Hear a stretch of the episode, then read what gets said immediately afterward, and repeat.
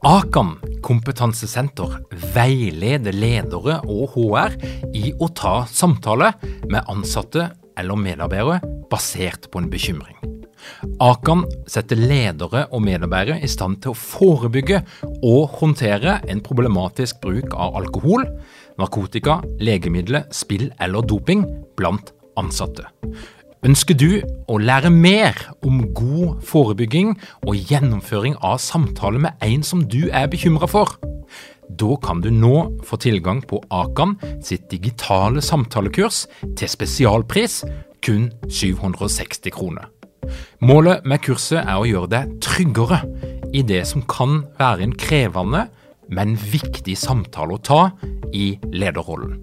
Du får tilgang til kurset med å gå til samtalekurs.no, samtalekurs.no, og bruke kampanjekoden LEDERPODDEN.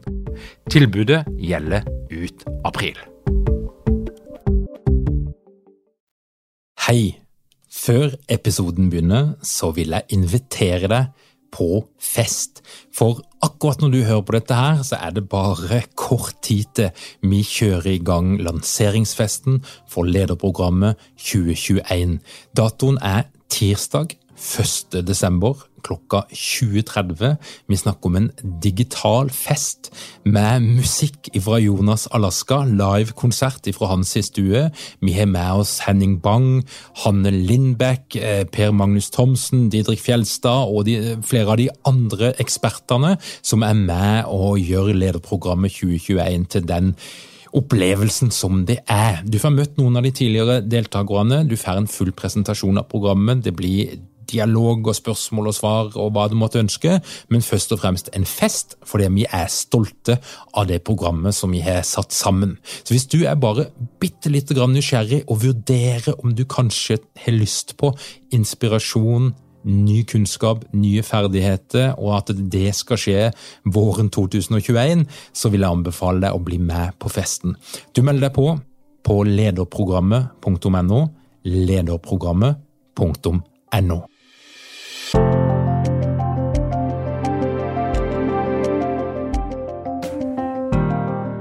Hei og velkommen til Lederpodden. Mitt navn er Tor Åge Eikerapen. Jeg jobber som organisasjonspsykolog og foredragsholder, og dette her er en podkast om ledelse. Stress, folkens. Det er et gøy tema. Eh, grunnen til at jeg har lyst til å snakke om stress, det er egentlig at i neste uke så skal jeg ha et foredrag om stress virtuelt.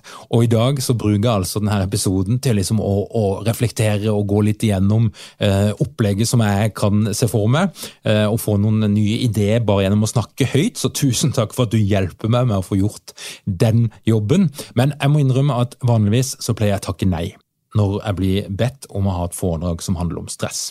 Jeg får noen eh, merkelige telefoner av og til, spesielt ifra sånn høy presterende miljøet.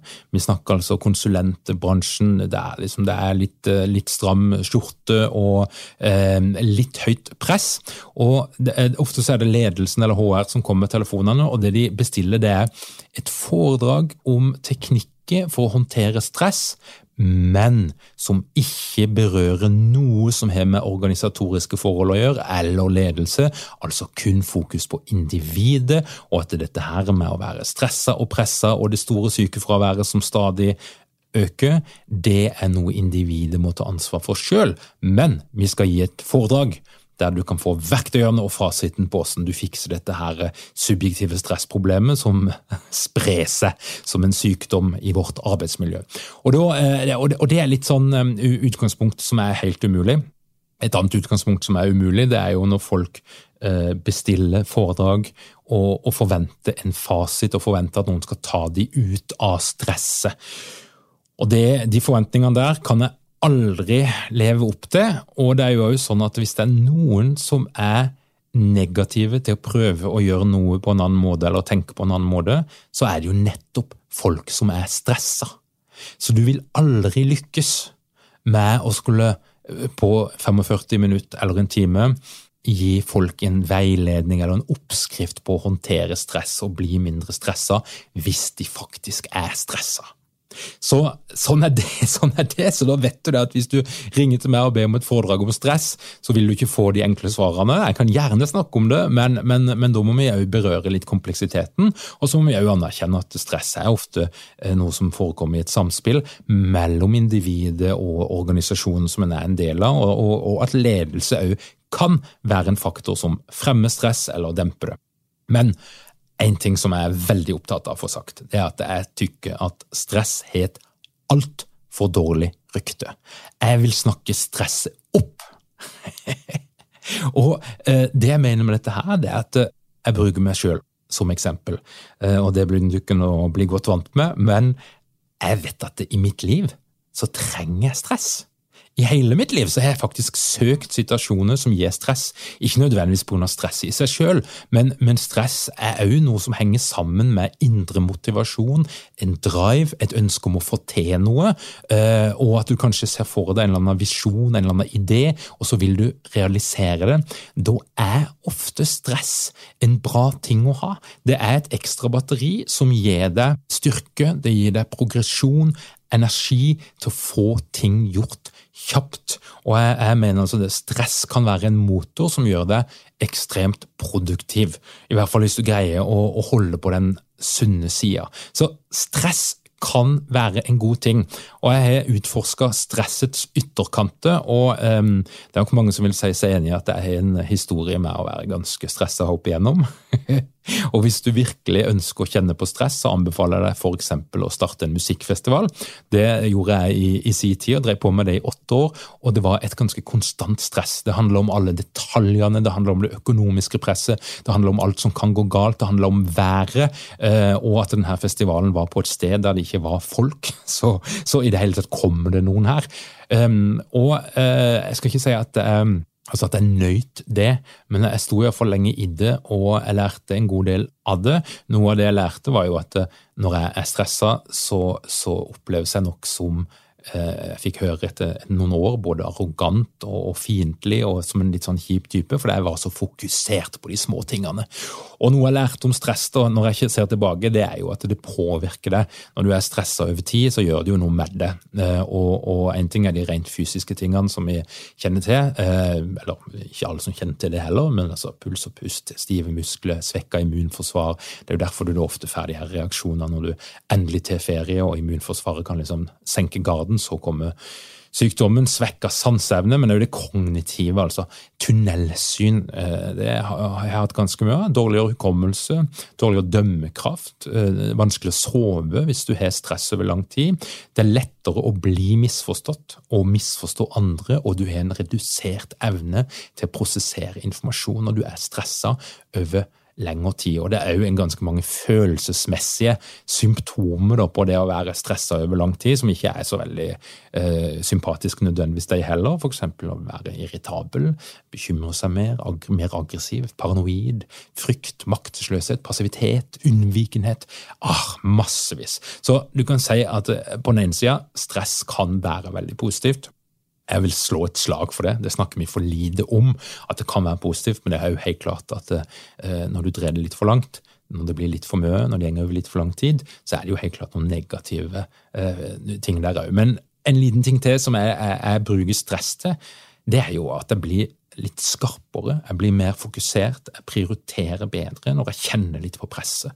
Og akkurat nå, når jeg spiller inn denne podkasten, så skal jeg love deg at det er bare ca akkurat den tida jeg har, så må jeg springe av gårde for å komme meg til barnehagen, og der står det eh, to gutter og venter på meg. Og eh, det, det, det, der tidspresset der, det er nesten på hver episode. Du kan tro kanskje at det er liksom sånn hele dagen som bare tenker og rigger seg og sånn. Nei, det er ikke sånn, altså. Tenkinga den foregår tidligere i uka, og så er det å sette seg ned, og så har du bare de minuttene. Bang! Så må en videre. Men jeg tror at det stresset og det trøkket, det hjelper meg til å prestere bedre. Og Da er vi jo inne på den positive delen av stresset. Og det er, det er, eh, det er skrevet, og det er en modell da, som er veldig enkel, men veldig god. Hebslov, eh, York Dodsons lov, blir det jo kalt, den litt sånn tidligere utgaven. Men eh, Hebbs lov den sier at eh, når det, er, når det er oppgave som du skal gjøre, du skal prestere, så, så, vil det være bra å være aktivert, altså ha en viss grad av stress. Det vil øke prestasjonen din. Men når stresset begynner å gå for langt, for høyt, du er for aktivert, så synker prestasjonen. Og så er det jo eh, sånn at det er noen som gjør et skille på om det er en enkel oppgave eller en komplisert oppgave, og en enkel oppgave der en kan tåle en del stress. Men altså, det er et poeng å være aktivert når du skal prestere. Eh, akkurat som en idrettsutøver kjenner på nervøsiteten. Eh, Johnny Cash i sin tid var opptatt av å svette være litt svett når han kom på scenen, for var liksom, da var han på sitt beste, og da var det stresset som gjorde det. Så stress det er en positiv faktor der. Eh, og hva er det som er stressreaksjonen? Da? Hva er det mekanismene i stresset? Det er jo ganske enkelt. Vi har, eh, For å forenkle det litt, så har vi jo eh, amygdala, som er en struktur i hjernen som fungerer som en radar, som da hele tida prøve å identifisere er det noe som, som kan oppfattes som truende her. Uh, i, i, miljøet eller altså i, Hele sanseapparatet blir, blir brukt, og, og, og, det blir skanna for er det noe som truer meg. Er det noe som truer meg rent fysisk, sosialt, eh, psykisk, økonomisk. Altså, det som er interessant, er at mekanismene er de samme, stort sett, uansett hva det er som skaper frykt. Og eh, En stressrespons handler om at det skjer en eller annen automatisk vurdering i hjernen. Kan jeg håndtere det som skjer her? Har jeg det som skal til, eller har jeg ikke det? Det er den vurderinga som skjer på noen millisekunder. Og Hvis eh, amygdala-signalene blir tolka som at dette her kan jeg ikke håndtere, er ikke det som trengs, så vil du kunne få en stressrespons der det blir, blir skilt ut litt deilige eh, stoffer som kortisol og adrenalin og, og mer eh, snadder, eh, som skal gi oss da krefter og mobilisere, krefter til å mobilisere. Men du kunne hørt om fight, flight og, og, og frys-respons, der, der, der, blodet da gjenger ned fra hodet og ut i lemmene, og vi gjør oss klare til å slåss. Og når vi opplever stress over lengre tid, så kalles det kronisk stress. Eh, for at vi har en såkalt sympatisk respons, som er den responsen som skal få oss til å mobilisere og gi oss energi til å håndtere det som skal håndteres. Og så er det en parasympatisk respons som skal få oss ned igjen. Og Derfor så kan vi jo oppleve nokså skremmende ting eller stressende ting. Vi stresser oss opp, og så kommer vi ned igjen, for kroppen har et eget system for å få oss ned igjen.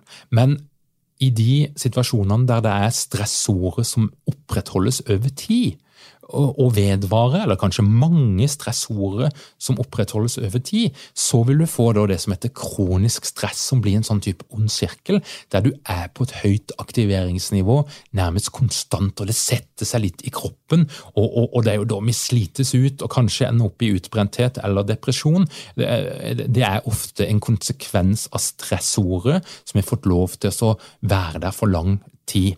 Og eh, stressordene de kan være av mange typer, og, og de kan også gi veldig fysiske utslag.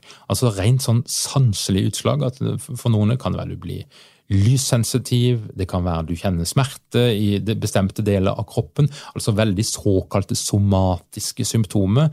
Eh, som bare vitner om at det der skillet mellom eh, det psykiske og det somatiske er egentlig noe tull, for dette her gjenger jo i hverandre, og det henger sammen.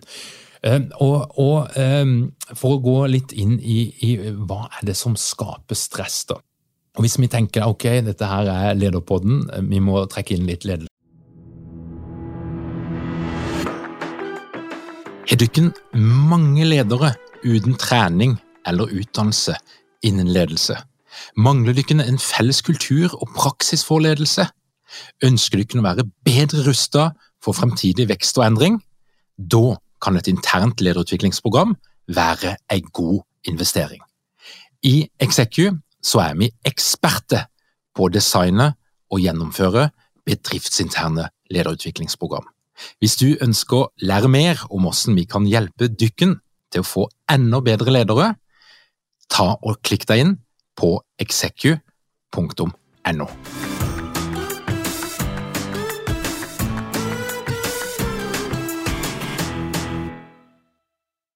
disse her. Så, så uh, i et menneskes liv så er det mange, mange ting som kan skape stress, og som kan være potensielle stressorer. Og én uh, ting handler om selve individet i seg sjøl, dine tankemønster, din måte å reagere på ting, hvordan frekvensen på din amygdala er stilt inn, altså hva er det du reagerer på. Noen er livredde for edderkopper, men de er jo egentlig ikke farlige. og på den andre sida kan vi jo ha sosiale fenomener som skremmer oss eller skape en stressrespons, selv om det egentlig ikke reelt sett er eh, farlig. Og Det er litt viktig å ha med seg at responsen er den samme, selv om det er ting som reelt er farlig og truende, eller ting som faktisk bare er en tankekonstruksjon, en feiltolkning som du gjør. Responsen i hjernen vår er akkurat den samme. Og individet, der ligger det en del ting, og det ligger jo selvfølgelig ting i en organisasjon. Eh, en organisasjon kan helt klart skape stress. Uh, ingen tvil om det. En leder kan skape stress. Jeg vet om meg sjøl at jeg kan være stressa, og jeg kan få det til å smitte ganske effektivt. Jeg kan gjøre folk stressa gjennom å være stressa sjøl, og jeg kan stresse folk opp. Og de fleste har vel opplevd ledere som stresser deg. De henger over deg, de har krav til hvordan du skal gjøre ting, og de kommer altfor tett innpå. Og da er det jo lett å kjenne på en følelse av stress eller klaustrofobi. Men hvis vi skal gå inn i de indre stressordene, da. Klassikeren der er jo det å ha for dårlig kontakt med dine egne behov. Ikke skjønne dine egne behov, ikke anerkjenne dine egne behov. Òg um, være kanskje langt over, for langt over på den sida som handler om at du navigerer et andres behov. Og at det er din foretrukne uh, stil. At, at, du er mer opptatt av andres behov enn dine egne. Og hvis du overkjører dine egne behov lenge nok, så vil det kunne bli en sånn stressord som ligger der og gnager og gnager, uten at du kanskje helt skjønner at det er det som skjer. Bevissthet rundt ditt eget liv og kontroll, altså lever du et liv i bevissthet der du er klar over de valgene du gjør, og, og, og du, du, skjønner hva som skjer, eller tenker du at livet er bare noe som skjer, og at det er liksom andre mennesker rundt deg som setter litt premissene for, åssen det blir? En klassiker òg som har en tendens til å generere stress, er jo manglende evne til å sette grenser. Ja-mennesker blir ofte populære. Alle liker de som sier ja, både på fritida og på jobb, men eh, det er jo en, en ganske stor sjanse for at det etter hvert kan utvikle seg til et overslag som da fører til et langvarig stress eller, eller en, en, utbrenthet i, i, i verste fall. Um, og, og, din evne til å strukturere deg, prioritere, skjønne hva som er viktig og du bør bruke tid på og ikke bruke tid på. Og dette her handler jo litt om energiregulering. For som menneske så har du et batteri. Og noen har et ganske stort batteri, noen har et mindre batteri. Men så er det altså noen som lever som om de har to batterier. Det finnes òg noen som har en personlighet som er egentlig sånn at hvis du skal leve deg sjøl fullt ut, så trenger du to batterier. For det er så høy grad av ekstroversjon, det er så høy grad f.eks. av planmessighet og ambisjon og krav til deg sjøl, kanskje òg en liten dash med nevrotisisme på toppen. Ja, men da krever det ganske mye batteri hvis du skal leve deg sjøl fullt ut. Og så er det jo tankemønster, reaksjonsmønster. Kanskje har du arva noen sånn sånn er det bare tanke. Man bør, man skal. Det er sånn det skal være. Det er det jeg har lært i min oppvekst. Og hvis ikke det er akkurat sånn, så perfekt som det skal være, om det er en julemiddag eller selve jobben du gjør, eller hva det måtte være for noe, ja, så er det helt krise, og da blir jeg stressa. Altså en tankekonstruksjon som bare er din egen, og som du er den eneste som kan justere på og avslutte, men allikevel helt reelt, og det kan være en stressord. Så har vi da noe relasjonshistorikk som kan ligge og stresse, altså opplevelser som ligger langt tilbake i tid, kan ligge og plage oss uten at vi skjønner hva det er for noe, ligger og irriterer og, og gjør oss sårbare, og på et eller annet tidspunkt i kombinasjon med andre stressorer, så kan det bli det som gjør at en får en eller annen form for stressreaksjon. I en organisasjon så er det òg eh, mange stresspotensielle stressordet. Det klassiske er jo for mange arbeidsoppgaver, eh, eller for lite eh, mulighet for fokus. Eh, det kan være arbeidsmiljø som er dårlig, det blir en stressord.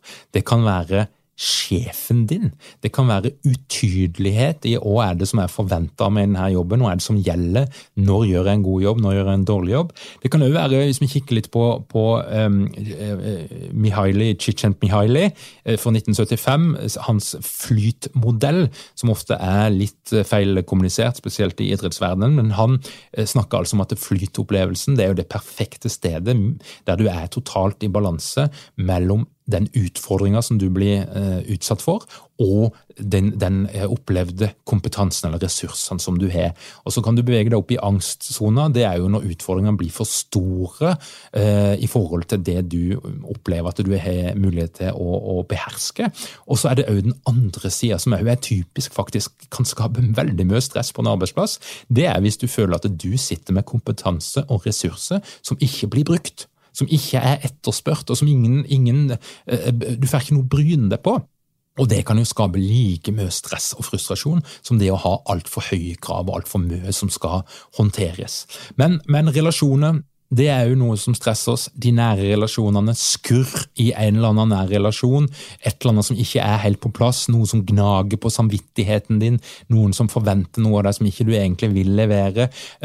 Dette her òg, det er usynlig, det er vanskelig å, å, å, å, gjøre det håndgripelig, men effekten når det gjelder og, stor stress, stress det kan skape, er faktisk minst like stor som alt det som er synlig, som at det står en bjørn foran deg, eller det begynner å brenne.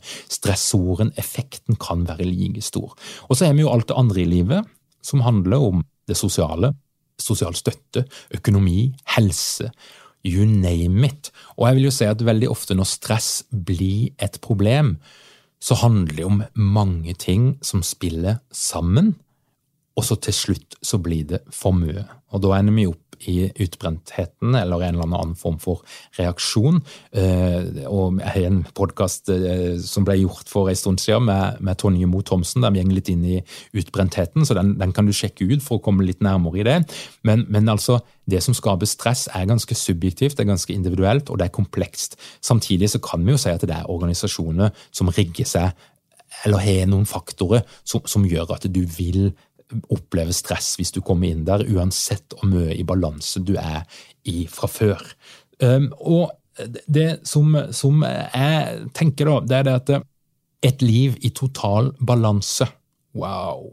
Vi snakker jo da om de veldig basale tingene som må være på plass. Du skal sove åtte timer hver natt. Du skal spise regelmessig, du skal spise sunt. Du skal ha frisk luft, du skal ha fysisk bevegelse, du skal trene. Du skal kanskje òg meditere eh, om ikke daglig, så ganske ofte. Altså, dette her vet vi jo at det er oppskriften. Og det, Dette her er jo ikke tull. Har du de her tingene på plass, så vil mye være gjort. Du vil ha en, en større Strikken din kan strekkes mye lenger, du vil tåle mer stress. Og hvis du i tillegg har rydda godt opp i sjelslivet ditt og, og, og, det du kommer ifra, og følelsene dine, og er liksom i kontakt med dine egne behov, ja, så har du et godt utgangspunkt. Men samtidig så vil jeg jo si da, et, et liv der du våkner på en sånn harmonisk måte, og så gjør du yogaen din, og så spiser du raw fooden din og den der juicen som er så økologisk at den er helt brun. Eh, og så, så, eh, og gjenger du videre til noen arbeidsoppgaver der du er dypt fokusert, og så tar du en pause, og så er du ute, og så trener du litt, og så eh, svømmer du litt, og så er du tilbake igjen. Altså, eh, For det første så er det jo nokså urealistisk å leve et sånt liv for mange av oss, og så høres det jo vanvittig kjedelig ut. Jeg tenker jo at eh, det handler ikke om å eliminere stress. Det kommer aldri til å skje.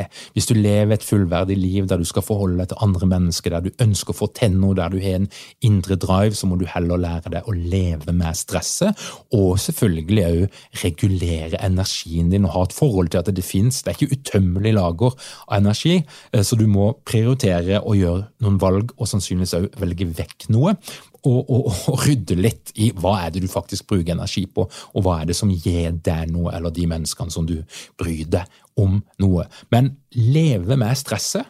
Finne ut hvordan kan du bruke stresset til noe positivt, og hvordan kan du passe på at ikke det tar helt overhånd og gjenger over i det kroniske og det vonde og det vanskelige som, som blir eh, ugreit. Så eh, alt i alt, da, kjære dykken som jeg skal holde foredrag for, så tenker jeg at eh, stress er så mangt.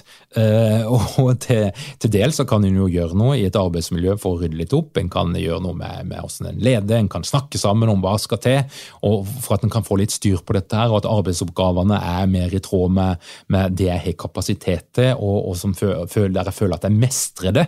En indre motivasjonen, at jeg mestrer det, at det er en form for autonomi. Det, og det er, dette her er jo noe som skjer i en dialog mellom arbeidstaker og leder. Og Hvis du får det til å funke, så er jo mye gjort, samtidig som en kollektivt må ha noen samtaler om hvordan skal vi ha det her. Og, og det merkelige er jo at det på arbeidsplass med masse indre motivasjon og masse drive, så er det jo ganske mange stressa folk, da. Fordi at en brenner for jobben sin.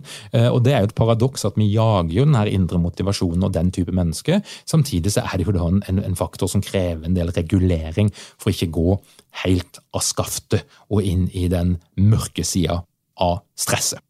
Så det nærmer seg jul. Det betyr massevis av stress.